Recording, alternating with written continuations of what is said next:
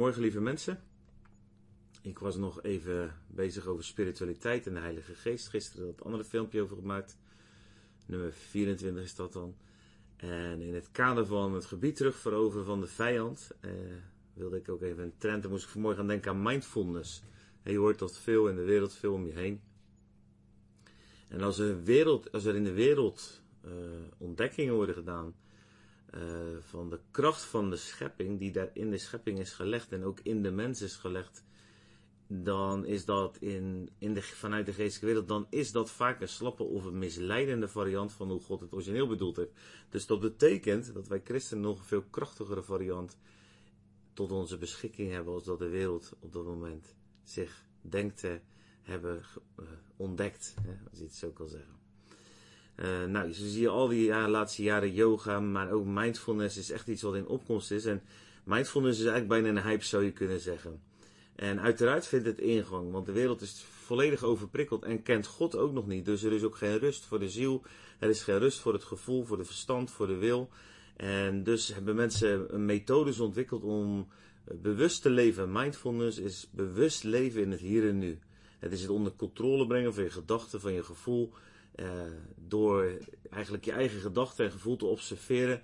Zonder dat daar direct een oordeel of een veroordeling in zit. Een oordeel in zit.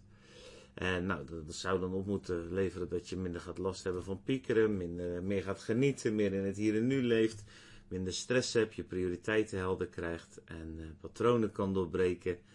Uh, je waarde ook daadwerkelijk gaat leven. Nou, dat zijn allemaal termen die je op de, uh, in ieder geval op conferentie innerlijke genezing, zoals wij die bijvoorbeeld ook geven, uh, zeker ook tegenkomen. Want natuurlijk verlangen we er allemaal om meer in de rust en vanuit de rust te leven. Dus het is geweldig. Maar het is helemaal iets, niet iets nieuws. Hè? De Bijbel schrijft al duizenden jaren over dit soort dingen. De psalmen staan er vol mee. Het Nieuwe Testament wordt er veel over geschreven. En de Bijbel moedigt ons al jaren aan om onze gedachten en onze ziel en onze gevoelens onder controle te brengen. Alleen er is wel een verschil. Brengen we het onder controle van onszelf of brengen we het door de Heilige Geest onder controle van God? Zodat we daadwerkelijk ook een overwinning kunnen boeken daarin of um, er telkens weer mee bezig zijn. In 2 Korinthe 10, vers 4 en 5 staat uh, die prachtige tekst. Um, de wapens van onze strijd zijn immers niet vleeselijk, maar krachtig door God tot afbraak van bolwerken. Want wij breken valse redeneringen af en elke hoogte die zich verheft tegen de kennis van God. En wij nemen elke gedachte gevangen om die te brengen tot de gehoorzaamheid aan Christus. Dat is prachtig. Dus we moeten onze gedachten, onze gevoel. Uh, David zegt ook heel vaak: Loof de Heer in mijn ziel. Hij geeft zijn ziel als het ware een opdracht om te loven. Nou, dat is eigenlijk heel mindfulness, maar dan vanuit de geest. Dus ik zou het vandaag willen introduceren dat we veel meer aan spiritfulness gaan doen. En um, al die mindful teksten die in de Bijbel staan zijn spiritful teksten. Want met mindfulness moet je uiteindelijk als mensen toch weer zelf en toch weer alleen doen. Je reflecteert eigenlijk met als uitgangspunt en als eindpunt jezelf. En voordat je het weet, is het effect daarvan dat je eigenlijk de verbinding met jezelf kwijtraakt. Maar goed, dat is te kort dit filmpje om dat helemaal uit te leggen. Maar dat is het risico ervan. En daarom is spiritfulness vanuit de Heilige Geest een veel betere variant om op deze manier in het leven te staan en rust te vinden en al die dingen, patronen te doorbreken, je prioriteiten rijtje te krijgen, minder stress te hebben, meer te genieten van het dagelijks leven en niet meer te pieken. Spiritfulness is het beste deel, want uiteindelijk is alles wat uit God komt, voortkomt, is het beste deel, dat wat het origineel is.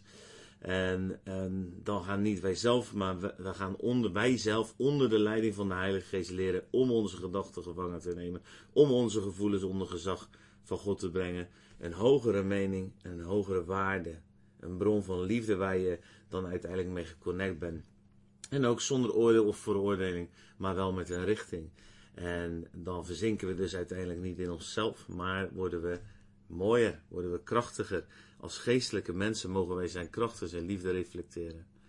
Efeze 3, vers 16, een prachtige tekst. Opdat hij u geeft naar de rijkdom van zijn heerlijkheid, met kracht gesterkt te worden door zijn geest in de innerlijke mens.